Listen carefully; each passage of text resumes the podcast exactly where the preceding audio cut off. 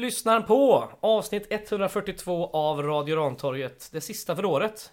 Skulle jag säga. Mm. Eh, Jag heter Fredrik. Ummanet är det Joel. Hej. Hej. Idag har vi en gäst med oss. Ingen mindre än Johan Redtop Larsson. Välkommen. Tack så mycket. Kul God att du är fortsättning här. förresten. Ja, det är ja, samma detsamma, detsamma. Och till alla andra också då. Ja. Eh, Det är härligt. Vi ska gå rätt eh, på det. Vi ska prata guys i allmänhet idag, vilket vi brukar göra. Vi ska även prata guys framtid kanske i synnerhet, för det är väl det som vi är mest intresserade av när vi har dig här. Som en styrelsesuppleant. Ja, precis. Så vi kan väl backa bandet lite då. Tidigare i år, i mars, då blev du invald i Gais styrelse för tredje gången i ordningen. Ja. En gång på tidigt 90-tal, Ja, en gång eh, mitten, sent 00-tal. stämmer. Och nu igen. Ja. Eh, du fick en suppleantroll för du ville ha det, för du sa att tiden inte räckte till för att sitta som ordinarie. Ja. Hur känner du att tiden har räckt det här året? Eh, nej, men jag har väl, alltså som vanligt, lagt mer tid på föreningen än vad jag trodde att jag skulle behöva göra. Eh, jag har rest rätt mycket och agerat någon slags sån här låtsas SLO, säkerhetsansvarig. Så att det har blivit mycket, mycket bortamatcher eh, jobbmässigt. Eh, sen har jag också eh, fått ärva ansvaret för att ha någon form av intervju pågående i restaurangen. Eh, så jag, jag, alltså tidsmässigt har det nog varit mer, avsevärt mer. Än vad du tänkt? Ja, men det har funkat bra i år. Mm. Ehm, mitt, mitt vanliga arbete har inte blivit påverkat på det sättet och jag har haft, jag har haft rätt mycket tid hittills det här året. Så det har känts eh, helt rimligt och schysst. Härligt. Vi kanske ska backa bandet och blicka ut, för det, alla kanske inte känner eh, dig. Det hoppas jag inte att alla gör. Eh, vem är du? Vi börjar så. Eh, Johan Larsson hette jag ju då. Född till 1966. Eh, uppvuxen i Biskopsgården. Eh, jag fick mitt smeknamn Redtop eh, faktiskt på Lucia 1981. På Lundby gymnasium. Nice, det är lite jubileum nu då nästan. Ja det är det väl, precis. Och det var lite, det var en kille som hette Hasse som, som eh, föreslog, om man är rödhårig så får man ju en helvetes massa olika smeknamn. Han föreslog Redtop. Och jag blev ganska nöjd med det. Det lät ganska kul tyckte jag. Och sen dess har det faktiskt varit med. Och, och ibland har jag tänkt så här, det är rätt barnsligt att ha ett smeknamn när man är vuxen. Jag har försökt jobba bort det lite, men eh, det har inte gått. Så Det är lite för sent nu ändå. eller? nu är, det, nu är det kört. Jag har ju bolag som heter Redtop Produktion och så. Så att jag har väl någonstans eh, anammat det. Och det har också varit en fördel ibland. Ibland har man kunnat smyga under radarn och kalla sig Johan Larsson. Och så, Ja, just är det ingen som vet vem det är. Stålmannen. ja, precis. Går det ut. Nej, men eh, jag är uppvuxen i Biskopsgården. Eh, eh, blev väl gaisare tack vare eh, Torbjörn och, och Urban eh, som bodde på gården. Eh, jag, jag minns, det, det tydligaste minnet var att de färgade flaggor eh, i våran sån här allmänna tvättstuga. Och det här mörka gröna, det var väl kanske inte exakt den gröna tonen som man skulle ha. Men deras gröna ton och det svarta slog an någonting. Men då var jag väldigt, eh, eh, vad ska man säga, kanske sju eller något sånt. Jag gick med min farsa på, på Häckens matcher, på ÖIS matcher, på IFKs matcher. Eh, men, men någonstans i, eh, jag tror att jag blev ganska tydlig gaisare kanske sådär i början på mellanstadiet. Någonstans där. Eh, och sen dess har det, har det legat kvar. Ja, just det. Ja, men du sa att du hade tillräckligt med tid för ditt ordinarie jobb. Vad är ditt ordinarie jobb nu för tiden? Eh, De flesta känner kanske återigen då till att du har haft en hel del att göra med Pustvik, men Ja, det är dock inte mitt vanliga jobb. Jag är fortfarande en del i, i eh, organisationen men är inte aktiv och inte varit det på rätt många år. Vi har en väldigt bra organisation på Pustervik som klarar sig helt utan min inblandning. Eh, däremot har jag arbetat med stadsutveckling främst i ett projekt som, som handlar om Ringön. Som heter Saltet, Saltet på Ringön.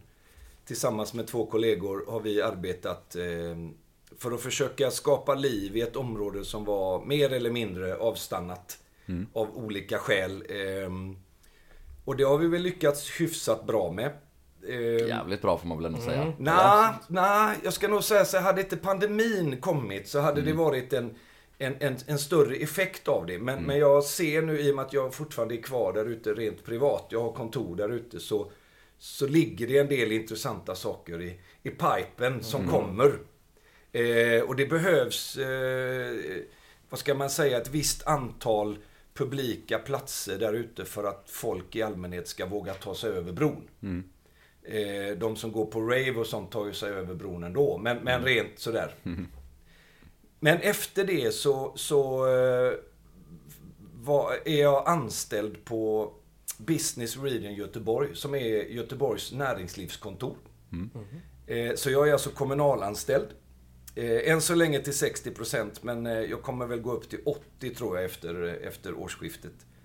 Och eh, jobbar med platsutveckling specifikt. Eh, och vi riktar in oss på ett nytt område och det är Västra Nordstan. Detta bortglömda, eh, denna bortglömda historiska plats i Göteborg där Kronhuset ligger. Så jag och en kollega, Lena där, vi ska lägga tid på det och sen jobbar jag med andra frågor som oftast har varit kopplade till kultur eller någon form av kreativ näring. Rätt kul jobb. Ja, det låter kul. Ja, är det därför vi har årsmöten på Kronhuset från och med nu? Ja, jag... Bra. Jo, jag, eh, jag tyckte att det var ett... eh, Dels är lokalen fantastisk och, och den gick att boka eh, på kort varsel till förra årsmötet och eh, tidigt nu har jag bokat den i år igen.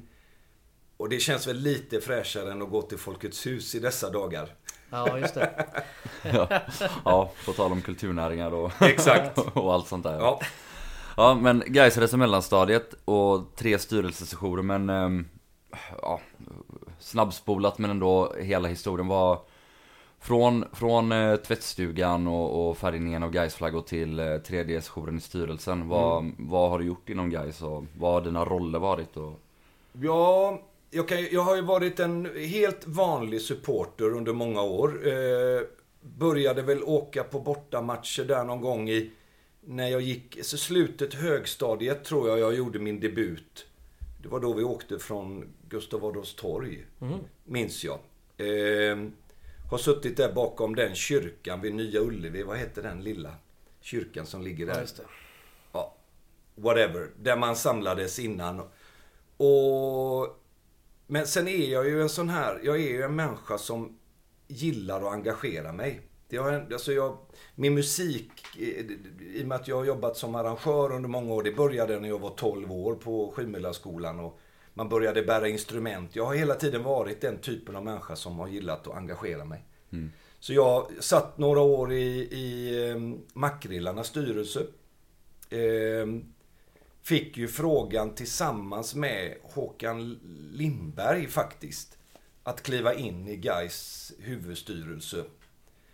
Och det var väl kanske lite naivt eh, så här i efterhand. Eh, att tro att man skulle kunna vara med och påverka. Då var det lite mer en sluten värld under den tiden. Jag kom på exempelvis att det var många förmöten innan styrelsemötena. Okej. Där många saker beslutades. Rätt eller fel, det, det, Där du inte var med.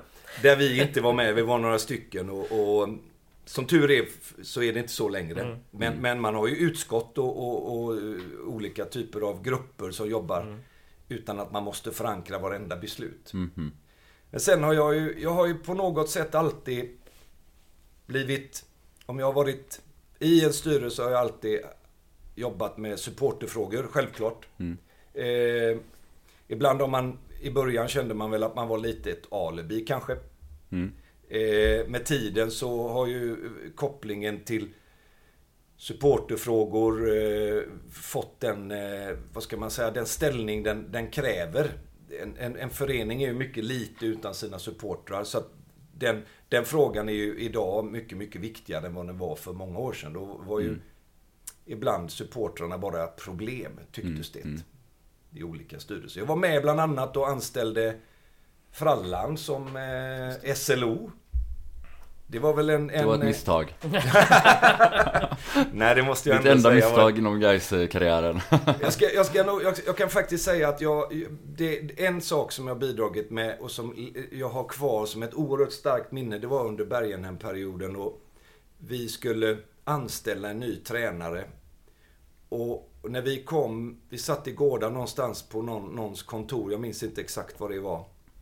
Och då saluförde delar av styrelsen Liston Söderberg som vår eh, blivande eh, tränare. Och jag och Håkan och någon mer, jag minns inte exakt vem.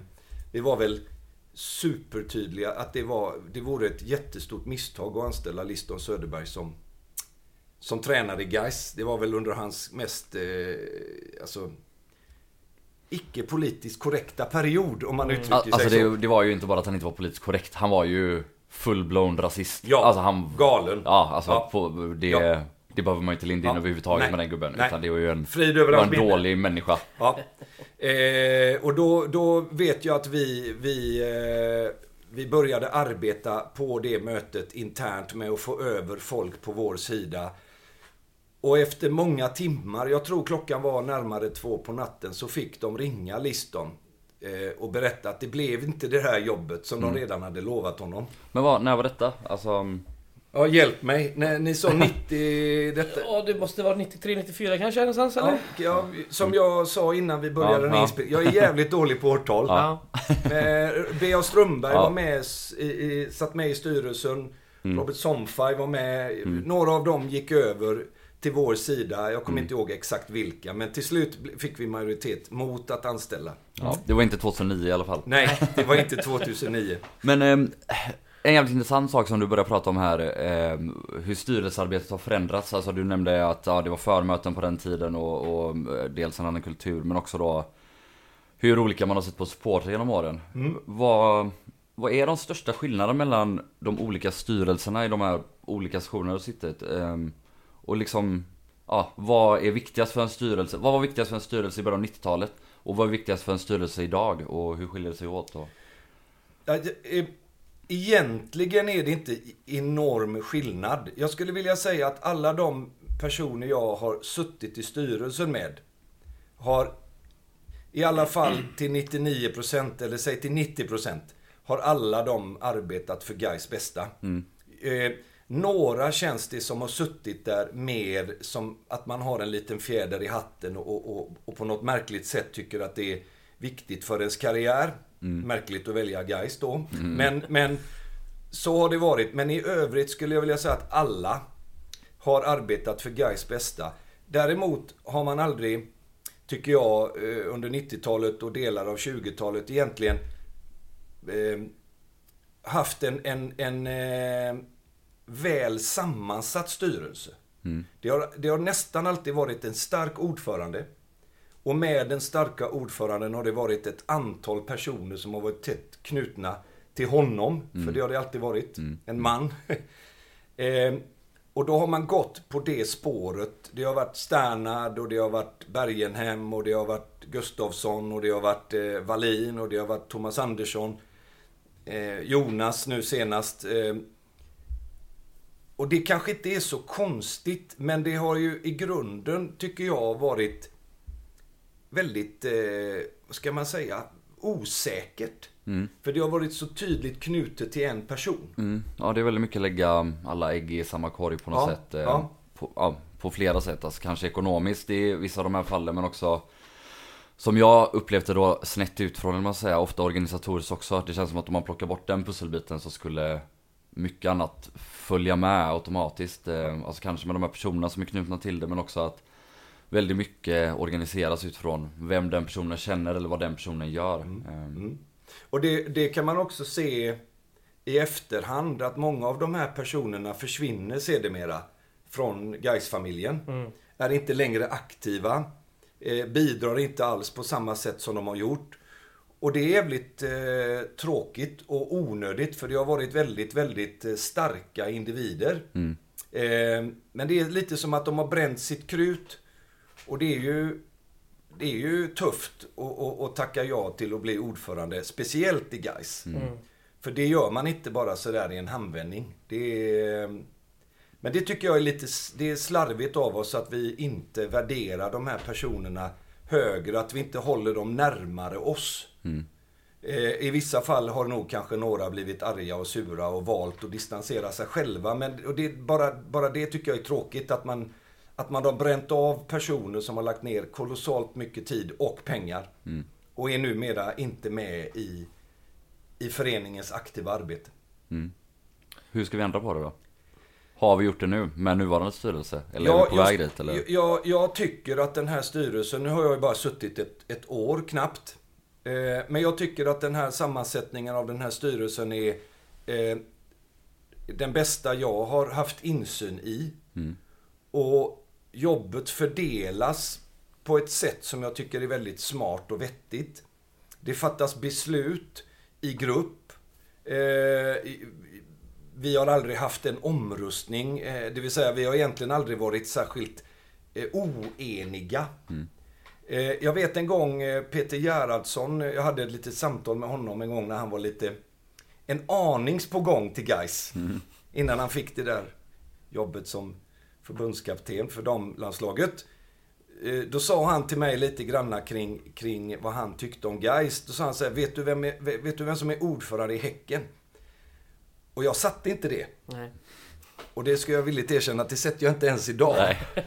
Och med det menar han på, precis så bör en förening, en styrelse fungera. Ja. Man har ett antal personer som Dennis och, och i, den, i det fallet Sonny Karlsson och numera andra personer som är personerna utåt och de är anställda.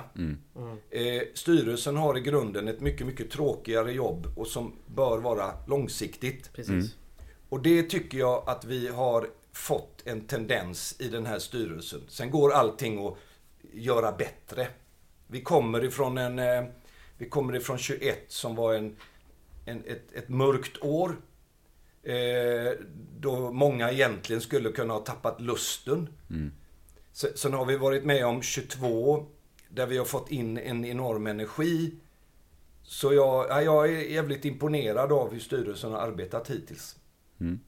Faktiskt. Kanske är perfekt då att gå in på året som eh, varit. Mm. Eh, 2022. Ehm, vi pratade väldigt mycket i den här podden innan när vi intervjuade både tränare och ledare om ehm, det här att studsa direkt upp som målsättningen var. Det har jag aldrig lyckats med innan. Nu har vi ju faktiskt gjort det. Jo. Att bara ha en ettårig session. Trodde du att det skulle bli studsmatta rätt upp igen när, i våras när du tillträdde i styrelsen? Ehm, ja, det... Ja, Alltså det är väldigt enkelt att säga ja. För ingen kan kolla det. Jag ska säga så här att jag var inte alls säker i, i, i början. Eh, Och i början var ju då i ett läge där vi... Alltså vi, vi visste inte vad... Alltså hur mycket Fidde skulle hålla som huvudtränare. Eh, Kenneth dubblerade. Eh, Sköldmark eh, trippelarbetade Mm. minst. Eh, det var väldigt, väldigt, eh, eh, vad ska man säga, eh, känslig organisation. Den skulle kunna falla lätt med så, så få människor på viktiga platser. Men ganska snart när jag fick lite insyn i hur styrelsen arbetade, hur ekonomin såg ut ehm, och att flera personer i Gais-familjen bidrog ekonomiskt på ett sätt som gjorde att vi kunde behålla eh, viktiga spelare. Och framförallt när jag efter ett antal tillfällen hade pratat både med Kenneth och Fidde, eller de hade medverkat på olika möten, så, så fick jag känslan av att, att det här kommer att gå vägen. Ehm, för den där eh, viljan och, och, och den här bestämdheten var supertydlig. Och min tanke var så här att det, det laget som ramlade ur 21 var inte så dåligt. Men det psykiska gjorde att, att det blev så. Eh, vi bör vara det bästa laget, bortsett lite från Falkenberg, eh, i söderettan. Så ja, jag, jag, efter ett tag trodde jag på det. Innan serien startade eller? Ja, innan serien startade, men... Men det är ju svårt att säga. Det var ju inte bara raka vägen under träningsmatcherna heller. Nej, nej, Vi nej. fick väl stryk första matchen om jag inte minns fel. Oddevold. Oddevold, ja. Jajamän. Men, men, men det handlade egentligen inte om det. Och jag måste säga så här att jag har stor respekt för, för Fiddes grundsyn. Han har aldrig vikit en millimeter ifrån sin grundidé. Jag har ändå intervjuat honom i princip varje match, inför varje match. Och Lite försökt- tråkigt eller? Ja, ja men, men, men jag, jag har också försökt få honom och, och överraska honom med lite udda frågor. Ja. Men han har fan inte vikt en millimeter. Nej. Nej. Och det är, är någonting jag är oerhört imponerad av. Och när Kenneth kommer upp någon enstaka gång när Fidde inte kunde, så är han likadan. De hade bestämt sig. Mm. Och, och när man pratar med spelarna eh, så hade de också bestämt sig. Och då var det lite som att, ja men vad fan, det här, det här kommer att funka. Det här är så jävla intressant för det, detta är också något vi har pratat om nästan hela året. Eh, och, eller även tidigare år men eh, om en, någon sorts fotbollsfilosofi. Vad är Gais sätt att spela? Och, och i år har vi ändå för första gången på väldigt länge haft en och samma taktik, en och samma filosofi. Oavsett vem som har spelat och oavsett om vi har skruvat lite på det. Ja. Så har vi ändå styrt matcherna på samma sätt. Vi har velat göra samma saker. Vi har absolut kunnat anpassa oss för motstånd. Men det har ändå varit vi som har bestämt. Och frågan är då egentligen, hur viktigt är det att man har en fotbollsfilosofi i en klubb? Och att den liksom, hur viktigt är det att vi spelar på ett sätt som, som motsvarar förväntningarna på guys och vad guys är? Och hur väl har vi gjort det i år? Ja, Jag, jag skulle vilja säga att det är en avgörande faktor för framgång. Om, inte, om inte nya spelare vet vad som förväntas av dem. Om inte eh, gamla spelare vet vad som förväntas av dem. Om inte tränarstaben vet vad som förväntas av dem. Jag menar, hur ska man då få ihop ett lag? Det, det är ju... Jag, vet, jag läste, eller såg rättare sagt, en intervju för många, många år sedan med Svennis när han vann eh, med Lazio. Mm. Och då fick eh, Sven-Göran Eriksson en fråga av, av den som gjorde programmet. Vad har du att lära de här 27 välbetalda fotbollsspelarna? Och då svarar Svennis, vad det gäller fotboll, ingenting. De är mil före mig. Men jag ska bygga ett lag av 27 egoister. Nu var ju det ja, i, i Italien och på en väldigt hög nivå. Men det säger väldigt, tycker jag, väldigt mycket om hur man bygger lag. Och det är någonting som intresserar mig enormt mycket. Hur man får ut det bästa av varje individ. Ja. Och hur kan man, hur kan man få Julius och, och Jonas och Mervan att leverera trots att de startar på bänken? Det är, alltså på riktigt är det enormt imponerande. Det är det verkligen. Framförallt också då om man tänker på Fredrik Holmberg och vet att han har kanske varit mer possession-förespråkare tidigare, och till exempel i Onsala och att han då Alltså att han i ett första steg liksom har köpt in på det här från föreningen, hur vi ska göra, hur vi ska spela och skruvat på det. Eh, Jag tror inte han känner att han totalt har svikit sina egna ideal. Nej. Men han har ju definitivt anpassat det så att det ska passa den här föreningen och att också få spelarna att köpa in på det på det här sättet. Framförallt då, ja men som nu på julmarknaden senast när, när Mervan tar micken och utan att ha fått frågan börjar tala om hur bra harmoni det har varit kring den här rotationen. Vilket ju, det är ju det är sinnessjukt när man Ja. tänker på det. Ja. Alltså det är ju vansinne. Ja. Vad fan händer? Det säger, för sig mycket om, det säger mycket om Mervan som Ja. har vuxit till, till en eh, oerhört eh, eh, intressant och imponerande person. Ja, Jag hade förmånen att intervjua honom på Gaisdagen. Alltså, det, det, den Mervan man kände var ju lite mer en egoist. Mm. Eh, på gott och ont. Idag är han ju en person som är mer jordad och, och som begriper efter x- antal år vikten av att eh, bygga lag och, och harmoni och, Och också sånt. uppenbarligen bygga förening med tanke på Exakt. hur han tar tag i den här frågan själv. Alltså, Ja, ja. Ja. Det, det är som sagt, eh, det är väl Julius som får frågan av Anders på julmarknaden. Ja. Hur det är med den här rotationen och, och han kör väl ett lite mer icke-svar om man ska. Ja, Medan då Mervan när han sen får en annan fråga, svarar först på den frågan och sen bara fortsätter brodera ut kring det här. Och det visar ju också då på något sätt att han fattar ju hur viktigt det är att han med den status han har också förklarar det här för folk som är där och lyssnar. Ja, ja. Jag Ja. menar, vi satt i bussen på väg hem från Lund. Jag fick ju åka med, med spelarbussen, vilket var jätteintressant. Och det hölls tal i mikrofonen och Andersén var eh, speaker, kan man säga. Men Mervan var den som la det intressantaste. Och där han berättade, njut nu av det här. Passa på att ta in eh, kärleken, det är viktigt. Alltså, på ett sätt som gjorde att bussen tystnade lite granna. Och det var bara under en, mycket kort stund den var tyst. Men det var när Mervan snackade. Och det, det, det är en jävla styrka. Faktiskt. Imponerande. Ja, fotbollsmässigt då? Hur nöjd är du med året? Jag är... Vad är du mest imponerad av? Vem är du mest imponerad av? Två förluster är för mycket. Nej, men jag, det jag har knorrat lite på, och det är ju Fiddes idé om att vi ska vara, vi ska vara Liverpool, inte Manchester City, som han har uttalat. Numera Det var också väl då Borde Sköldmark som sa det. Visst, ja, ja, men det har han fullt upp kan man Okej, säga. Ja, Och, och då, jag, jag är ju förespråkare av att vi ska bestämma på plan i den mån man kan. Vilket inte bara innebär att man kör all in framåt. Men, men det ska vara på våra villkor och i Söderettan var det mycket, mycket enklare än vad det förmodligen kommer att bli i, i Superettan. Men, men vi, i vissa fall så upplevde jag inte att vi gjorde på det viset vissa matcher. Och inte nödvändigtvis de vi förlorade. De- var ju mer udda. Det tror jag var mer att man... Som lag har man någon svacka och, och när den kommer så funkar inte saker riktigt. nej. Och det Alltså, får man acceptera. ja, verkligen. Båda förlusterna vi har är ju känslan att vi orkar ju inte Nej, riktigt nej. koncentrera oss i Nej. eget straffområde. Precis, Alltså här, precis. Det är kollapser med många mål båda de matcherna. Ja, så att, ja, eh, det ja. är ju en ja, genomklappning. Ja. Och, och det, och det är nog att ställa för mycket krav att vi ska vara 100% alltid. Men, men med, med den ansatsen så, så tycker jag att det, det har varit superbra i år. Alltså på, alltså på så många olika positioner.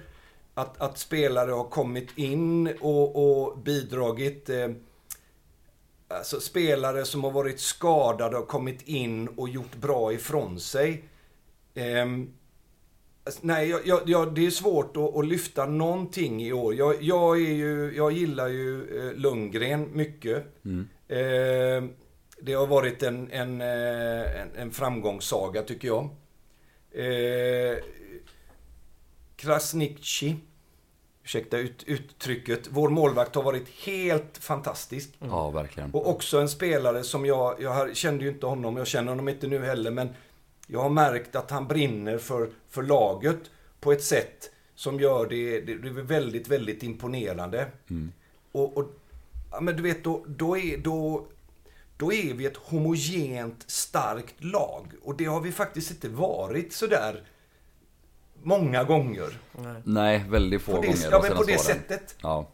Nej men det är väl det mest imponerande, eh, vi var lite inne på det innan också, men det är ju hur det här laget verkligen blivit något. Det finns så, alltså det är så svårt att peka ut en eller två spelare. Och det är ju underbart att det är så. Det, man vill ju lyfta, ja men, hela backlinjen. Ja, och man exakt, vill ha målvakten exakt. och Visst. vårat innermittfält och kört över alla Ja. i mer eller mindre varenda match. Ja. Med både teknisk briljans Ja. och spel och Ja. Mm. bara käkat dem.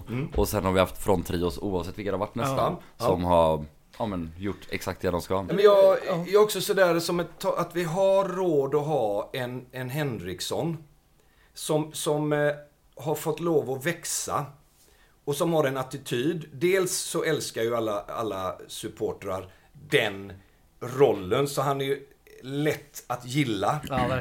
Men, men det gör ju också att andra spelare får ytor när han gruffar och stångas och blir arg och sjunger med klacken under pågående match. Alltså sådär.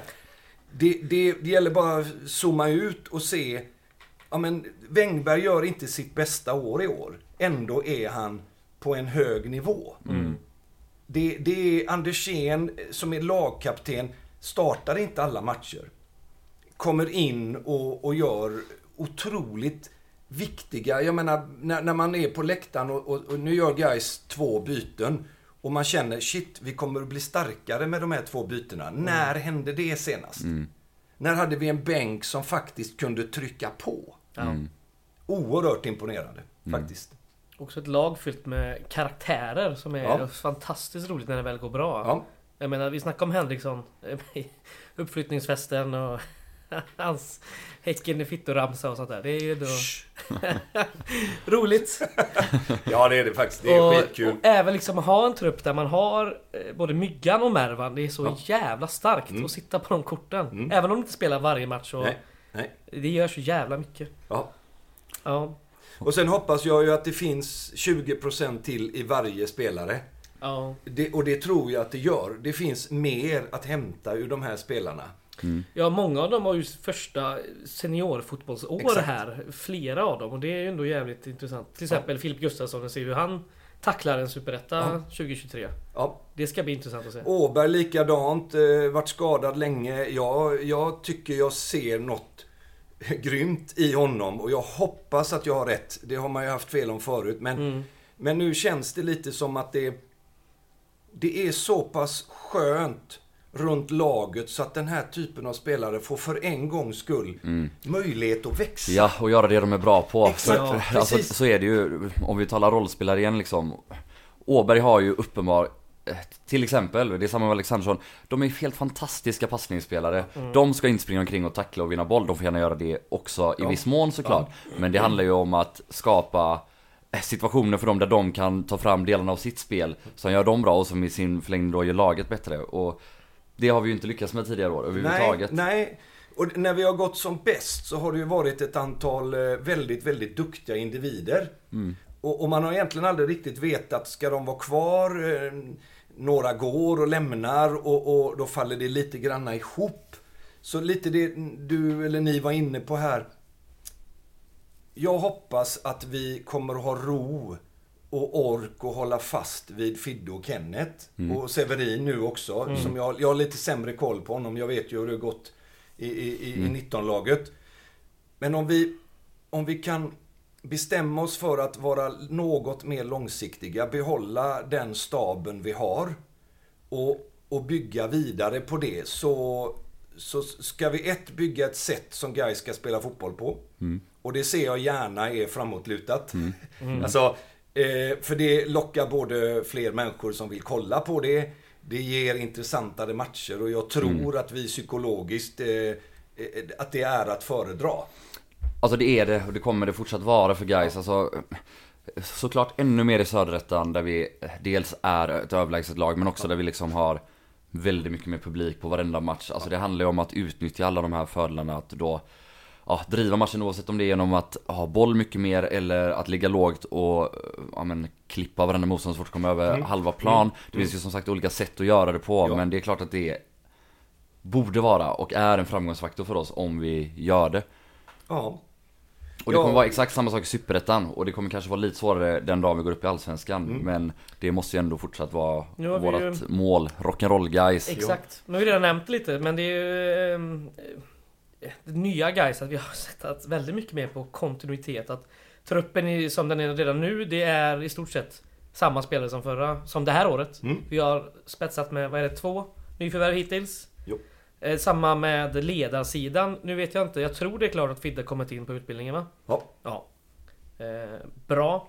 Och så har vi tagit upp Severin då, som internt. Det känns eh, som det nya guys. Ken- Långsiktiga guys. Att, att nämna är ju att också Kenneth Ja. är nu mera knuten till elitfotbollen. Ja. Och, och får koncentrera sig på det. Och det var ju ett eget val. Mm. Och det tror jag har betytt mer än vad folk fattar. Ja. Alltså, eh, kung Kenneth, det, det, det kan inte vara mer rätt. Nej. Och, och att ha en person med sig som kan föreningen, som kan akademin, som har träget hållit på. Ja.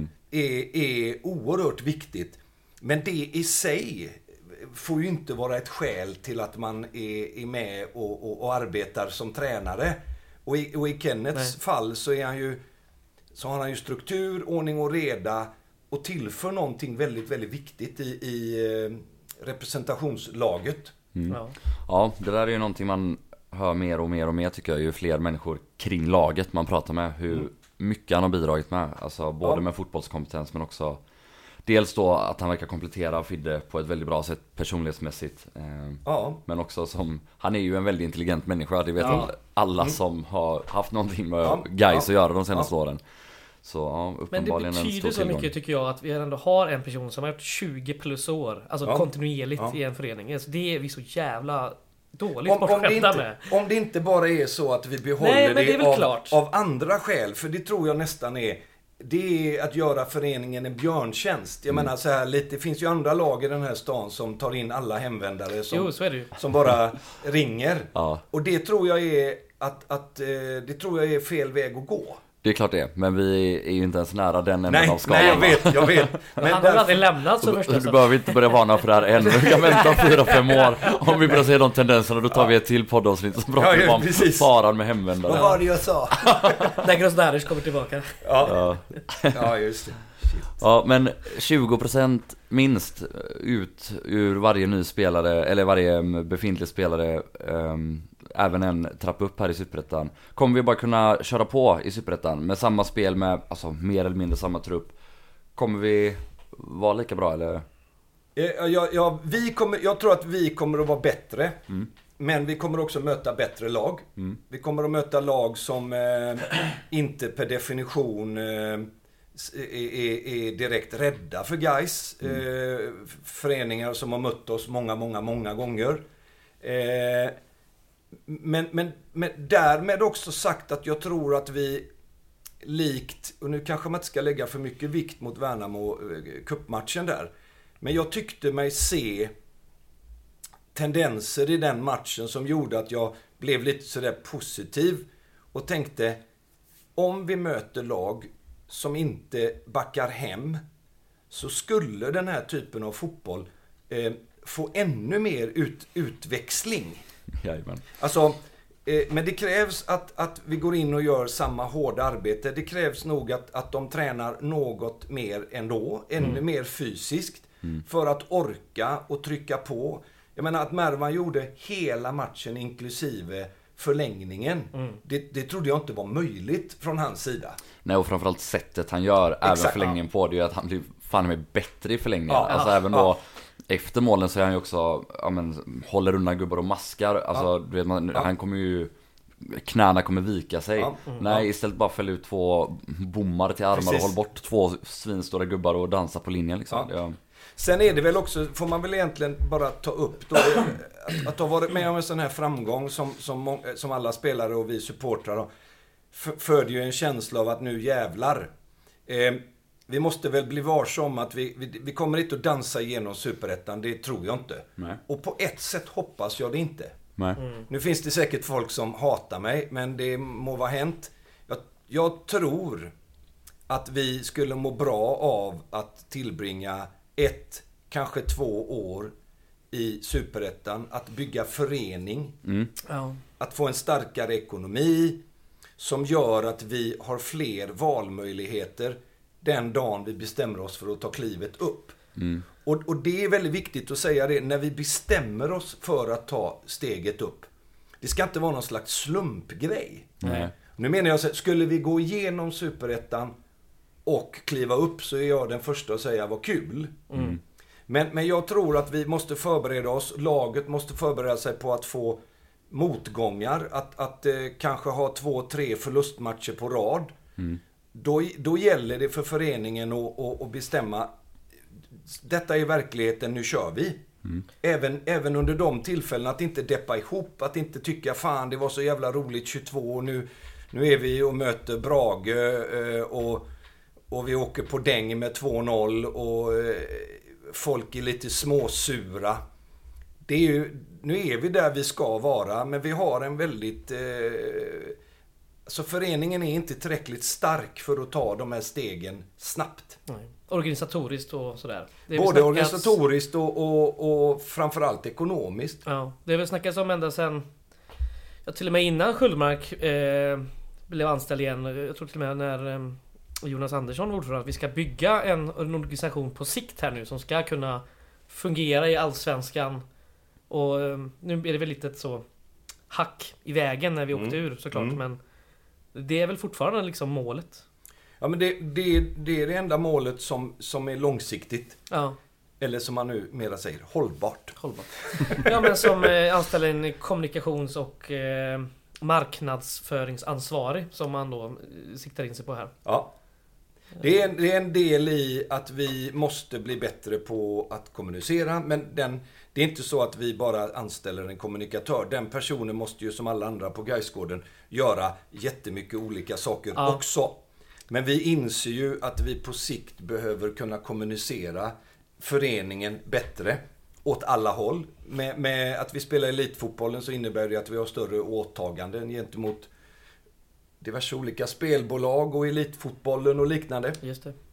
Men eh, men Eh, om, om, vi, om vi på sikt lyckas bygga en, en bättre ekonomi och, och delar av den ekonomin eh, också kan gå till att stärka klubben i sin organisation, på sikt också Gaisgården, så gör det att vi har en, vi är ett starkare, vi är en starkare förening.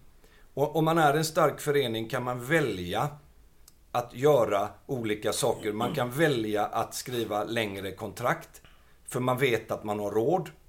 Eh, man kan välja att eh, inte sälja en spelare vid första bästa tillfälle. Eh, man kan välja att säga nej tack till ett antal spelare eh, medveten om att vi, vi kan eh, lite längre fram innan säsongen välja en annan, ett annat spår. Vi kan vara lite mer kyliga.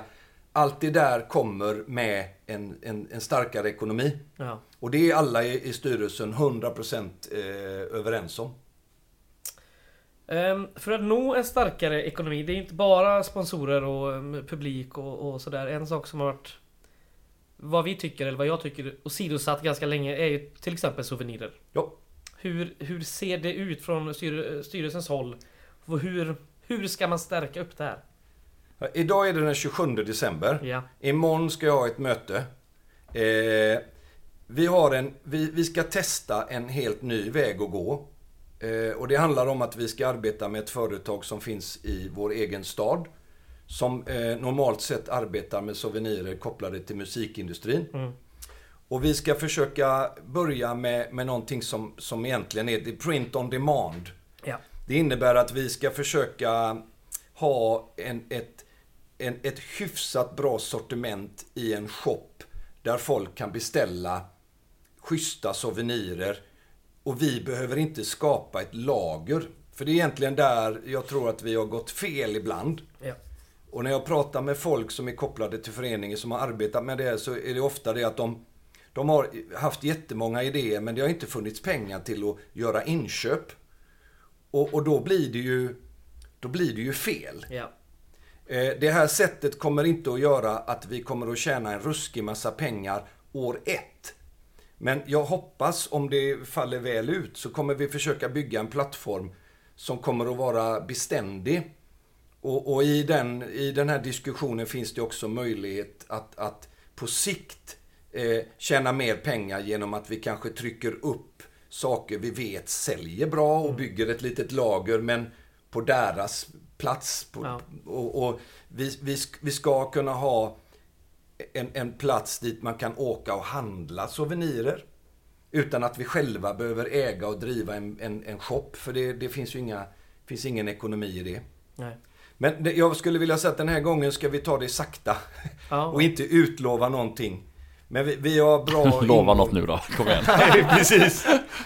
Nej, men jag, jag tycker att det finns eh, Det börjar så bra när du säger ett datum här att idag är den 27 december. Då förväntar man sig att så här, den 2 januari, Då då, släpper jag. Förvänta er ingenting, utan eh, vi har inlett en diskussion och hoppas att den ska leda till att vi på sikt har en, en shop där man kan köpa eh, det, det grundläggande utbudet. Och, och det, är lite, det roliga med, med den här typen, att, att arbeta med det här företaget, är att man kan lägga upp en ny t-shirt varje dag om man tycker det skulle vara kul. Man bygger inget lager utan finns det ett intresse så säljer man 50 av den tröjan eller vad det nu kan vara. Och, och säljer de ingenting så tar man bara bort dem ifrån shoppen. De finns alltså inte fysiskt. Sen, sen är inte det kanske ekonomiskt det, det mest eh, lukrativa. Det skulle ju vara billigare att köpa 500 t-shirtar och sälja dem. Men problemet har ju varit om man har köpt 500 t-shirtar så har man ofta 250 kvar. Ja. Och det är vinsten. Och det, det tror jag vi ska vänta lite med. ja, men så är det nog. Mm. Ja, men vi har varit nere nu då eh, i ettan, samlat energi eller vunnit energi eller vad man ska kalla Vi rider på en framgångsvåg. Eh, hur utnyttjar vi den? Eh, alltså både publikmässigt men ja, sponsormässigt eller att bygga föreningen större eh, i allmänhet. Eh, är det, alla känner ju nu, fan vad kul det är Gaisare. Ja. Fan vad bra allt går. Fan vad enkelt allt är. Det kommer kanske inte vara lika enkelt nästa år. Men hur utnyttjar vi den energin vi har nu till att faktiskt omsätta det i att bygga föreningen större, att nå mer publik, att hämta mer pengar hos sponsorer. Ja, Jag tror att vi, vi just, vi, vi, jag tycker mig redan kunna känna det. Eh, Rolle, alltså speakerrolle, eh, som jobbar med, med våra sponsorer och partners, eh, möter ju nu eh, mer positiv känsla. Eh, flera sponsorer går upp en nivå i, i sponsoravtal. Eh, nya sponsorer dyker upp. Och det, man, man kan tycka hur mycket, jag, många, många brukar jämföra att driva en fotbollsförening som i vårt fall med att driva ett företag. Men det, det är otroligt stor skillnad. Jag tror att man ska vara oerhört försiktig med att säga det. Alltså att om man, om man säljer datorer för ett amerikanskt dataföretag med ett litet äpple på. Så vet man nästan i detalj hur året kommer att bli. För det förändras inte så ruskigt mycket. Vi jobbar med någonting helt annat. Och det är så jävla känslostyrt. Från alla håll. Och det gäller eh, tunga sponsorer eh, hela vägen ner till eh, föräldrar till barn i akademin eller styrelseledamöter eller klackfolk. Alla är känslostyrda. Och det är väldigt svårt att, att veta hur 23 kommer att bli. Såklart. Det finns så oerhört många parametrar som kan sticka åt lite olika håll. Men jag önskar ju att 23 kan bli det året då, då folk säger så här, ja ja men nu, nu, nu är det någonting på gång. Låt oss gå in lite mer. Låt oss betala lite mer. Låt oss vara med lite mer i en uppgång. Och för en gång skull inte i en katastrofsituation. Ja. Det, det är någonting helt nytt som vi måste lära oss. Det är nu, exakt nu, vi ska stötta föreningen engagemangsmässigt, åka på bortamatcher, gå på hemmamatcher, köpa årskort, bli medlemmar, sponsra. Det är nu vi bygger klubben.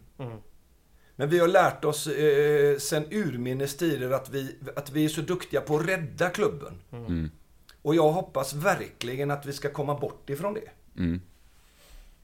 ja, jag håller med om. säger jag nu, 27 december Jajamän. 2022. Och så, nej.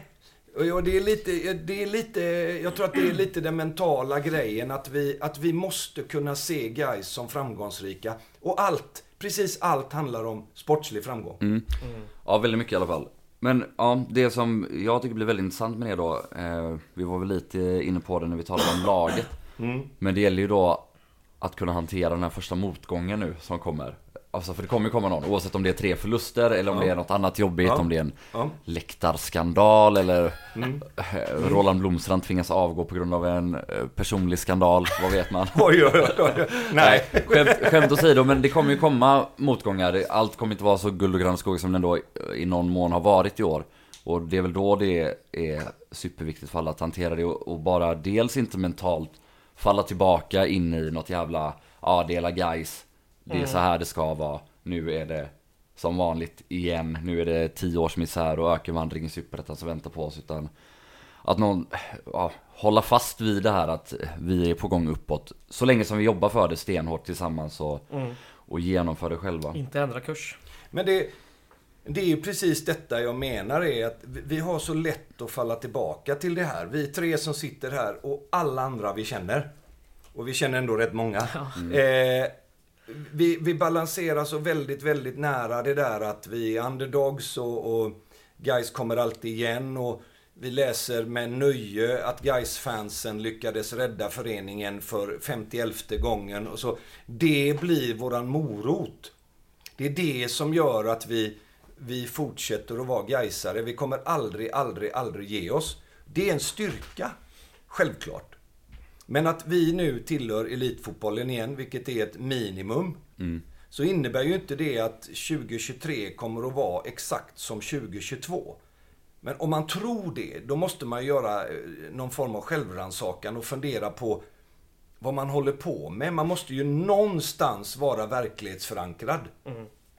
Och jag tycker ändå att det finns tendenser som gör att vi, kom, att vi är på väg och bygger någonting som jag inte riktigt har känt tidigare. Elitfotboll, superettan, bare minimum. Men vad är målet då för guys? Mål, målet är, är självklart att vi ska vara ett allsvenskt lag. Ehm, om man tittar på föreningar som Elfsborg eller Halmstad, nu har de åkt upp och ner lite. Eh, Mjällby, eh, Kalmar. Jag tror det finns eh, nycklar där. Jag vet, eh, förr i tiden har folk åkt till utländska klubbar och tittat. Kanske mer för att man har varit nyfiken. Men jag tror inte vi har så mycket att lära där. Vi har inte den ekonomin och vi har inte den organisationen och, och inte den... Jag, jag tror att vi ska försöka... Vi ska nog titta närmare på den typen av föreningar som, som har... Eh, som har lyckats vara allsvenska under en ruskigt lång tid. Och tagit lite ups och tagit lite downs. Mm, men downen blir inte Downen söderettan. blir inte söderettan, precis. Och, och, och i vissa fall knappt ens superettan. Mm, mm. Eh, och kan vi bli tråkigt bra i, i allsvenskan. Då, har vi, då, då har vi byggt en förening som det går att utveckla. Då har vi en styrka och en stabilitet i vår förening som gör att vi kan ta steg. Och, och då först tror jag vi kan utmana alla andra lag i den här stan som ligger före oss nu. Mm. Om vi delar upp det då, så det är ett långsiktigt mål. Men på ett sätt, jag tolkar det som att det där är målet på medellång sikt då, eller? För först ska vi ju kanske då etablera oss i superettan. Och sen ska vi då bli ett stabilt allsvenskt lag. Och sen finns det en nivå till, eller? Jag menar, alltså, man kan ju inte... Man kan inte arbeta i en förening eh, och, och, och så säga nöja sig med att eh, vara stabilt superettanlag. Eller nöja sig med att vara ett stabilt allsvenskt lag.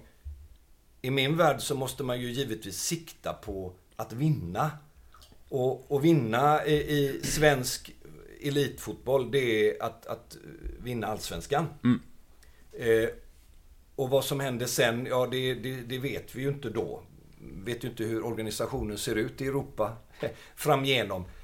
Men det, är ju inte, det, det kan man väl aldrig någonsin vara, alltså, tänka på något annat sätt. Nej. Sen hur gammal jag är, om jag ens lever då, det vågar jag inte riktigt svara på. Men kan jag vara med och lägga små, små pusselbitar tillsammans med den styrelsen och tillsammans med alla andra som arbetar i, i föreningen så, så vill jag gärna göra det. Mina barn kanske får uppleva det. Mm. Vad, vilka är pusselbitarna? Vad är det vad är det vi behöver göra här och nu för att liksom börja på den här klättringen eh, på de här långa, långa stegen mot det slutgiltiga målet? Eh, Det, det är, hur tråkigt det än kan låta, så är det en, en kombination av sportslig framgång. Vilket jag tycker att vi har bäddat för nu. Eh, sportslig framgång leder till att eh, pengarna ökar. Det är roligare att gå på fotboll när ett lag är framgångsrikt. Det ger ökade intäkter publikt, fler medlemmar. Eh, sponsorer, eh, framförallt eh, som, som Gais historiskt har sett, är ju, är ju Gaisare. Eh, mycket mer än många andra föreningar är. På sikt hoppas man ju att man ska kunna locka till sig sponsorer som ser värdet i att, att sponsra Gais. Och det, det var länge sedan det, det var så. Nu tycker jag mig ändå kunna skönja att det finns det. Det lilla intresset att, att vara med i en förening som, som kommer underifrån och som verkligen sticker ut. Som vi gör som förening. Eh, vårt arbete i Gårdsten och arbetet i Biskopsgården är superviktigt att på sikt vara en, eh, en vettig förening i, i, i, vår, i vår närhet. Men, men den sportsliga framgången är avgörande. Det, det, till syvende och sist så, så orkar man inte riktigt vara med om det inte sker sportslig framgång. Och då nästa knäckfråga såklart. Hur når man sportslig framgång? Eh, Genom att fatta kloka beslut, genom att, genom, som jag sa tidigare, genom att ha en grundekonomi i föreningen som gör att vi inte behöver fatta ad hoc-beslut. Alltså beslut tagna på sekunden. Jag minns när, när eh, jag var på ett dop och blev uppringd eh, och, och det, var, det rörde sig om försäljningen av Vandersan. Och jag fick i ilfart åka till Göteborg för att medverka på ett möte. Det, det är lite granna det jag hoppas att vi ska komma ifrån. Att, att vi inte ska känna att vi, åh vilken tur att vi får lov att sälja den här spelaren för då räddar vi våran ekonomi. Alltså skulle vi ha en, en liknande typ av spelare om några år så är det ju värdefullt att kunna ha muskler nog och säga vi vill gärna skriva ett längre avtal med dig. Det har vi inte idag. Eh, och det är därför det är svårt att, att eh, signa Harun på tre år till. Eh, men, men, men på sikt när vi bygger föreningen och att vi har ett eget kapital som, som, finns, som finns på kontot. Det gör att vi kan fatta vettigare beslut. Så steg ett är ändå då alltså att bygga allt runt omkring föreningen för att i sin tur nå bättre ekonomi, för att i sin tur nå större fotbollsframgångar och så får det hjulet att snurra vidare. Ex exakt Typ så. så. Och, och, och då kan man ju säga så här. Det finns väl en, en, eh, det finns väl en balansgång i om man ska våga eller inte våga. Vi, vi har trots allt inför 2023 en, en bättre ekonomi än vad vi hade 22. Och, och, och kanske till och med vad vi hade 21. Så då är det ju sådär att eh, men det är egentligen att titta på, det är som att jämföra med en familjs privatekonomi. Har vi råd att åka på en resa i sommar? Eh, ja, det har vi och den kan ta oss till eh, Grekland. Priset för den är att vi får hålla igen lite. Det, det är lite grann så som det är i Gais just nu. Eh, vi har råd med de här nyförvärven och, och, och någon eller några till. Eh, vi kanske skulle kunna ha råd med ytterligare en. Men då blir det på bekostnad av något annat. Och då är vi och gamblar lite. Och, och där menar jag det att då, då ska vi nog vara jävligt försiktiga med att gambla. För då måste man kanske till syvende och sist gå ut och fråga någon. Skulle ni kunna tänka er att täcka upp den här förlusten? Så, och, och, och med, med det bygget som Fidde och Kenneth eh, har gjort och alla andra i, i föreningen så tycker jag att vi är på en väldigt, väldigt intressant väg. Det är vi verkligen. Hur, Om vi- hur tråkig låter jag när jag pratar? Nej, jag tycker inte det. Det är intressant. Jag vet, ja, jag vet inte. Vi får se vad lyssnarna säger också då. Det kan ju låta lite abstrakt där ibland kanske. Men, eh, men nej. eh, Det är väl också för att vi håller med om mycket av vad du säger. Så det blir så här, klappa varandra på axeln här kanske. Skitsamma. Jag har en, eh, en annan fråga, eh, fortsatt kopplat till det här. Det blir då hyfsat enkelt tydligt att se vad, vad styrelse och anställda ska göra. Eh, För att bygga föreningen. Men vad, vad är det viktigaste att göra som medlem? Eller som supporter då? Eh, Det viktigaste är först och främst kanske att bli medlem. Eh, Det är väl en väldigt enkel och, och simpel grej då på vägen mot eh, 15 000 medlemmar. Eh, Men, men förutom det, eh, vad kan man som medlem eller supporter göra för att bidra till föreningen? Ja, ja, du har nämnt det. Man ska bli medlem. Och, och det tycker jag är en självklarhet. Eh, man ska gå på matcherna. Det, det är självklart. Man ska helst åka på så många bortamatcher som möjligt. Det bygger inte vår egen ekonomi. Men det bygger eh, känsla och det bygger rykte. Ja, det bygger föreningen. Ja, Alltså, i vårt avlånga land. Ja. Återigen Det- att det kan låta abstrakt men alltså kolla hur spelarna beter sig på bortaplan Exakt, i år. exakt. Alltså det är som, jävla skillnad. Absolut att det är Ja. delvis att vi möter ettans södra lag. Men det är också att vi har varit så jävla många på varenda match och vi har betett oss på ett sätt som man bör bete sig som en bortaklack. Ja. Eh, Alltså utan att mena att det är särskilt hotfullt, utan bara verkligen Mm. Vi har visat vilka det är som bestämmer oavsett vart vi är. Och det har smittat av spelarna, det har gjort att det finns en helt annan attityd Ja. som genomsyrar hela föreningen. Från supportrar till spelare framförallt, men också alla däremellan. Där vill jag bara lägga till också, för Ja. det har ju faktiskt gett eh, reella pengar till guys I och med Gårdakvarnen då som har haft ett avtal med Bergkvara Buss och fått eh, cashback till moderföreningen guys Ja, Så det har ja, gett ja. i runda slängar Ja. 50 000 rätt in till guys Ja, det helt... Bara av att åka. Ja. Så det, vill jag tillägga. Och jag, jag som har åkt mycket på borta, det, ni har åkt ännu mer. Men, men det är också så som det sköts idag, så är det ju helt fenomenalt. Alltså Mm. det är ju verkligen som en, det är en ära att ta emot jag som då har varit på, på de här arenorna några timmar innan ni kommer med bussarna. Så märker man ju på alla som är där är på tårna.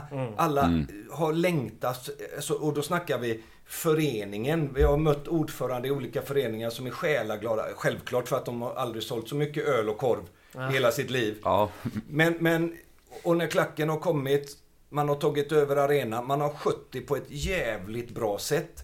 Eh, inga incidenter mm, nämnvärt. Eh, efteråt har alla varit jävligt glada, positiva.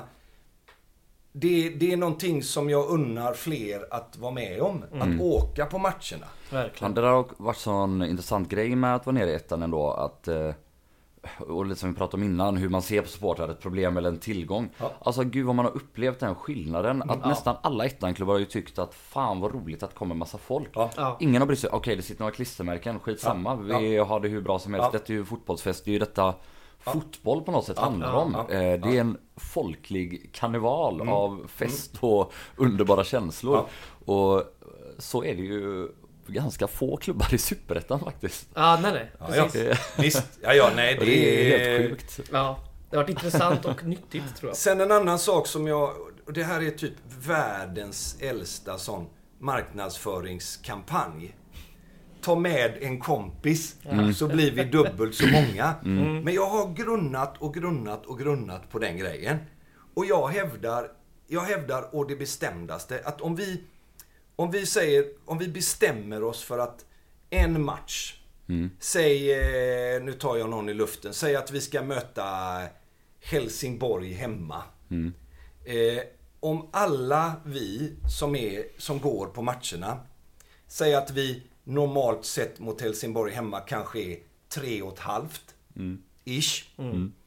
Om de tre och ett halvt bestämmer sig för att köpa en extra biljett och bjuda en person som står i valet och kvalet till att gå eller inte gå. Som har visat lite intresse, lite sugna, högt och lågt, eh, gärna fler tjejer så det vi blir blandade. Gärna folk som inte heter Larsson i efternamn. Om man skulle göra det till en sådan match så skulle det ett bli ett djävulstryck. Två inbringa stålar.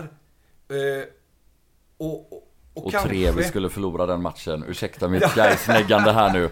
Men de här gratismatcherna, det är sånt dåligt track record. Nu är det inte en gratismatch. Det är ingen gratismatch. Så det är absolut det kanske är det som gratismatch. Ja. Nej, och, och, men, men jag, jag tänker att det, det, är, det är ett sätt att få fler människor utanför kretsen att gå på fler matcher. Är viktigt för att vi ska bli fler på läktarna. Eh, och, och det måste vi kunna bli. Jag, jag tänkte på det igår eh, när jag satt och funderade på vad, vad, vad det här skulle handla om. Men jag, jag, jag skulle uppskatta om jag sprang på fler gaisare på stan som jag inte hade en aning om vilka de var. Nu har jag gjort det lite i år. Och det är också en positiv trend. Man ser unga killar och tjejer med, med någon mössa eller någon halsduk eller någon tröja. Och jag vet inte vilka de är. Det gillar jag. jag. Jag skulle gärna vilja att vi blir ett antal tusen fler i den här stan och inte nödvändigtvis visste alla eh, på, till både för och efternamn. Nej, exakt. Nej, det där är en, eh, också en intressant sak. Jag och Frallan pratade mycket om det faktiskt för några år sedan. Eh, Alltså hur mycket, det är kanske en väldigt enkel och väldigt billig grej som man skulle kunna göra som sport. Helt enkelt representera laget mer till vardags i stadsmiljön. Alltså Mm. ha på dig din Gaishalsduk när du åker Ja. spårvagn. Ja. Eh, sätt upp några klistermärken eller gör vad som helst men så att Ja, guys finns överallt i allas liv i den här stan hela Ja. tiden mer. Ja. eh, Men nu är väl alla vi tre, jag kan tänka mig vi tre är, är typiskt sådana som just blir tydligt kopplade till vårat lag. Ja, jo. I, I våran vardag. Eh, Öh, Gaisan och, och där är han och, och sådär. Men jag, jag, jag tänker så här att vi, vi har länge vi har länge kokongat i den här gruppen när vi alla vet vilka vi är och, och, Mm. och vi mår bra i den. Vi ses på, på eh, John Scotts eller vi, vi, vi ses den 9 januari på första träningen och alla kingsar på varandra. Det är väldigt vackert och fint. Jag menar inget illa med det. Men jag, jag önskar att vi ska bli många, många fler. Ja, Och att vi ska vara väldigt inbjudande till de som inte är eh, redan i familjen. ja precis. Det är ju lite uppstartsträcka såklart men... Ja, nog det är klart att det är. Jag har en, en kompis till mig som också börjat gå ganska mycket och han i sin tur tar ju med sig eh, vänner. Eh, vilket blir eh, fan väldigt roligt. Mm. Och nu då, nästa år så ska han med på en bortamatch för första gången. Och nu när jag inte är med Gårdakollen längre och inte känner att jag måste jobba varje Nej, bortamatch nej. så ska det bli jävligt kul. Ja. Jag är supertaggad. Men det tror jag vi med. har, vi har en superviktig roll att fylla. Alltså, Mm. de, de människor som är guys, eh, beroende på vilka de är. Det är alltid från eh, 97-åriga farbröder till eh, små, små barn. Mm. Måste ju anstränga sig, lite som du säger Joel, att representera. Och representera är ju att dyker det upp nya människor på en bortaresa, det går en buss eller säg det går två bussar och, och ni känner 97% så är det några där som är, som är med för första gången. Ja. De, de måste bli väl omhändertagna. Ja. De måste få en schysst upplevelse. Det gör ju att de tycker att det är kul, att de är kvar. Eh, om man möts lite grann av någon slags sån här, hmm, vem är det? Ja, ja, ja. Då, då, eh, och det är inte konstigt att det är så. Men, men eh, det måste vi, det ska jag, hoppas jag vi, vi kan bryta. Hur stor eh, potential har vi att bli några tusen fler? Alltså, ibland talar man ju om slumrande jättar och det är ju en sån tråkig Ja. ja. lånad anglicism från, Ja. från England. Ja. Men, men eh, oavsett, vi pratade lite innan då om att eh, vi kanske ska kolla på Halmstad och Kalmar och och Elfsborg och, och den typen av lag. Alltså, hur... eh, Våran självbild eh, är ju ibland grandios, ibland att vi är ett loserlag och den rör sig däremellan. Är vi en slumrande jätte, även om jag nu hatar uttrycket, är vi bara tredje laget i landets näst största stad, vilket ändå... Alltså, det, då är man kanske inte eh, någon jätte. Mm. Eh, Nej, nu är vi ingen jätte. Nej. Alltså det, och det är nu som räknas. Ja. Jag menar, om man ska luta sig tillbaka och tänka på när vi tog guldet senast eller när vi eh, var bäst i stan så tillhör ju allt det vår historia. Mm. Eh, och när jag säger att vi kanske ska titta på hur organisationen fungerar i lag som Kalmar och, och Mjällby och, Elfsborg. Så Mm. menar jag ju inte att vi ska likna oss vid dem. Nej. Vi är ju vi är ju hundra gånger roligare och bättre än vad de är. Såklart. På alla sätt och vis. Det gäller också Häcken. Jaha, gud Där vi ja. har fler människor mot eh, Falkenberg än vad de har mot Sundsvall i, i kriget om att vinna Allsvenskan. Så nej, jag, jag tror så här att vi ska, vi ska på sikt utmana de två större lagen. Blåvitt publikt, vilket jag tror är, dröjer ett tag. Mm. Eh, häcken fotbollsmässigt, de har ju eh, en ekonomi som vida överstiger våran och, och gör många kloka beslut. Mm. På grund av att de har den ekonomiska förmågan. Mm. Eh, men det är ju egentligen bara att vända på det. Hur, hur, hur, hur mycket längtar inte Blåvitt-fansen efter nu kuppmatchen? Mm. Vi räknas ju, punkt. Ja. finns ju ingenting som, som eh, de tycker är roligare än att reta Gaisare. Det beror ju på att vi är de vi är. Mm. Och det vill jag verkligen inte ta bort. Nej. finns inte en chans. Vi ska behålla den särarten. Mm. Men vi, vi, ska vara ett bättre, vi ska vara en bättre förening, en starkare förening och spela högre upp. Och, det- och det, det får ta den tid det tar. Det, det vore märkligt att säga att vi ska vara allsvenska 26. För vi vet inte vad 23 och 24 och 25 innebär ännu. Men någon gång eh, är, det givet att vi ska spela i Allsvenskan. Det, annars vore det ju tjänstefel. Ja, hela det här samtalet har väl kretsat kring eh, framtiden och guys. Eh, men eh, jag kommer bara ihåg när du blev invald nu senast så sa du ju att eh, du hoppades att din roll i styrelsen skulle bli att kunna fundera på längre sikt på framtiden. Ja, Har det kommit på skam eller har du kommit fram till vad framtiden innebär för oss alla? Jag tror att jag har... Jag har dels fått lite... Jag, jag, alltså jag är ju en... Skulle nog jag säga så, en, en något mer vuxen variant av Redtop eller Johan än vad jag var för eh, fem eller tio eller 15 eller 20 år sedan när, när det hela började. Och tar mig själv lite mer tid att fundera igenom Eh, jag befinner mig i en ålder som är någonstans något för gammal för att vara på, i, i klacken. Något för ung för att vara med de allra äldsta sponsorerna. Men jag har rätt bra insyn i föreningen och, och, och jag tycker väl att jag har en, en ganska bra plattform i föreningen just nu. Sen har det varit givet eh, de saker vi har pratat om. Jag har behövt jobba som säkerhetsansvarig ihop med Roland på olika matcher. Eh, många. Jag har behövt eh, genomföra en del arbete mm, som intervjumässigt i restaurangen. Eh, jag gjorde den där uppflyttningsfesten. Eh, det, det är inte konstigt, men jag, jag på sikt så skulle jag nog gärna vilja att vi i styrelsen kunde lägga tid på att eh, faktiskt dra upp alltså, li, lite, alltså idéer som sträcker sig lite längre. Och, och sen på något märkligt sätt hålla fast vid dem. Mm. Men kommer inte det bli enklare lite grann automatiskt av att gå upp en division? Kanske inte, kanske, kanske inte nu år ett då egentligen. Nej, nej. Men, men vi- vi måste ha bättre förutsättningar för att kunna göra sånt långsiktigt arbete nu. Ja. Där allt inte handlar om att vi måste vinna och ta oss upp tillbaka till eliten detta året med en superliten, superslimmad organisation. Nej. Där du måste vara inne och Nej. andra måste göra hundratals andra grejer. Alltså praktiskt oavsett om det är ja, säkerhetsarbete. Ja. Det, det ökar. Eh, Men du, du är inne på det. Det här första året är ju ett år där vi, där vi ligger, vi- vi befinner oss ekonomiskt längst ner i hierarkin i elitfotbollen. eh, För vi är nya in. Och de här pengarna som så att säga kommer ifrån SEF och, och, och olika eh, sponsorer eh, är ju lägst än så länge. Och, och det visste vi och det är ju det vi har budgeterat för. Men jag är imponerad av att vi sen rätt länge tillbaka i styrelsen har haft eh, Dels hade vi länge två budgetar. En budget som fortfarande byggde på att vi inte gick upp. Men också en budget som byggde på att vi gick upp. Och när vi väl var klara över att vi hade gått upp så har vi haft olika budgetar beroende på vilket spår vi tycker är, är rimligt. Vilka spår har det handlat om? Ja, men det handlar egentligen om vad, vad, vad man tror sig kunna få in i ekonomi under kommande år.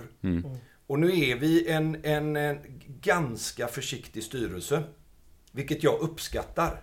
Jag uppskattar att vi inte tar ut saker i förväg. För om vi inte löser det så sätter vi föreningen i en sämre sits igen. Eh, jag uppskattar att, att vi kan göra det och om vi, om vi överträffar den lagda budget som då ska vara klar någon gång lagom till årsmötet i mars. Då innebär det att vi bygger föreningen ekonomiskt. Och, och vi kanske har, eh, nu säger jag kanske för, för vi är inte framme där ännu, men det kanske skulle vara så att vi har ekonomi för att göra en, ett, ett, ett förvärv under sommarfönstret om vi har åkt på någon skada eller om vi tycker att det, det dyker upp en spelare som vi verkligen ser skulle tillföra föreningen någonting. Då skulle vi kunna agera utifrån det om vi har, den, om vi har de resurserna. Och det gäller alltså att inte tumma bankkontot. Vi får inte gå ner på noll. För så fort vi är på noll, då är, då är vi skakiga. Det är, ja. och jag, jag, det känns bra. Faktiskt. Så om vi sammanfattar allt det här då. Som support till Gais ska du ett bli medlem, två ta med en kompis på matchen mot Helsingborg, eller när det nu blir. Ja. Tre, representera Gais i alla sammanhang, gärna på stan, gärna i samband med Gais matcher Ja. Det är det som krävs av alla som supportar den här föreningen. Ni i styrelsen ska bygga förening genom att framförallt utöka organisationen och stärka den och jobba in pengar. Ja. Och Ja. de anställda ska då ha mer tid och kraft till att göra det de verkligen ska göra. Färre roller. ehm, och helt enkelt se till att vi vinner så många fotbollsmatcher som vi någonsin kan. Ja, det, det, är vad allt, det vad allt handlar om. All organisation, allt som har med Göteborgs Atlet och Idrottssällskap att göra handlar i grunden om att vi ska spela så högt upp som möjligt.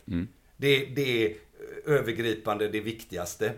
Eh, eh, gör vi det så ökar ju möjligheterna i alla andra kanaler att vara framgångsrika. Det, det, det är superenkelt. Om vi har en eh, fungerande eh, souvenirshop och vi ligger i division 4 så spelar det ingen roll. Det är väldigt få som köper grejer. Om vi har en fungerande souvenirshop och vi ligger högt upp i superettan. Vi, vi tar steg upp till allsvenskan framåt i tiden. Så, så är det per definition så att folk handlar mer. Vi, vi har, får en större kropp eller body eller vad man kallar det. Och är ett, en, en, en starkare ekonomisk förening. Och, och vi tvingas inte till att göra alltså sådana ad hoc-lösningar. Och, och det vore drömmen att komma dit. Det är, och jag är övertygad om att vi, att vi är på rätt väg. Verkligen. Och jag skulle inte... Jag skulle inte säga det om jag inte trodde det. Bra, då Ja. kulturtipsar vi. Jag har varit och käkat en hel del på restauranger sen tiden. Netflix igen. Ja, I så fall får jag väl tipsa om eh, en bok. Best movie ever made, så den är inte så jävla bra. Ja, kulturtips låter väl skittrevligt. Eh, Vem vill börja då? Ska du börja Joel? Eh, det kan jag göra. Eh, jag såg en svinbra film igår faktiskt som heter Jag är inte här. Handlar om den här mexikan, eller den är väl colombiansk egentligen. Den här dans och musikstilen Cumbria om du känner till den. Eh, väldigt feta danser i väldigt feta kläder. Eh, sådana här långa overshirts från Colombia. Så dansar de eh, hukande, så det är lite så kosackdans fast inte alls de här sparkarna och så.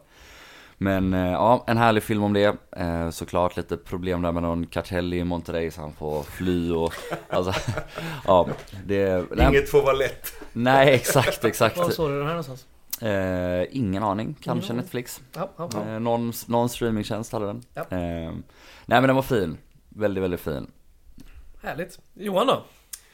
Ja, jag gav, jag gav faktiskt min son, eh, han är inte helt obekant, eh, John Pernsved i, i, de här, eh, i den här världen. Jag gav honom en, en, en bok i julklapp som heter Faktura luft. Just det.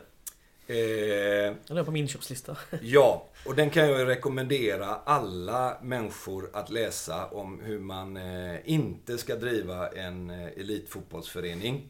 Eller eh, hur man känner sig tvingad att driva en elitfotbollsförening eh, in absurdum. Otroligt eh, spännande och igenkänningsfaktorerna är ganska många.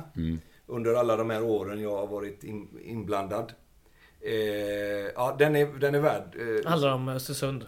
det handlar om Östersund och Det är hon dess, Linda eh, Hedenjung, vet du om? Ja. Östersunds-Posten. som har Östersunds-Posten denna. eh, som har fått mycket skit. eh, Och också Stora Journalistpriset fick hon väl? Ja, Exakt, just det. Så- exakt. Precis. Men det, det, det är en, en, en intressant eh, läsning om, om, eh, om ett fenomen och hur, hur, eh, hur det kan bli, speciellt på en liten ort med politiken inblandad och, Mm. och företag inblandade och saker som blåses upp och, och, och kanske inte funkar skitbra. Spännande. En annan bra bok eh, som jag också vill säga det är Kerstin Ekmans Löpa varg. Någonting helt annat. Har inget med fotboll att göra alls. Fruktansvärt bra bok. Intressant. Ja, ehm, den senaste månaderna och året så har det varit väldigt mycket fokus från min Jules sida på 1950-talet i och med vår bok. Ja, Så jag har kollat på en film från 1954 faktiskt. Eh, Fönstret åt gården av Alfred Hitchcock, eller som den heter på engelska, Rear Window. Har du sett den? Ja, jag skulle säga ja, men jag, inte så att jag... Jag kommer ihåg fåglarna mest, för den Ja. var så jävla läskig. Ja, den men vidrig. jag är osäker. Ja, det är i alla fall ehm, en film eh, som handlar om en yrkesfotograf som brutit benet på sitt jobb. Han får stanna inne med gipsat ben hela sommaren. Eh, är bunden till sin rullstol.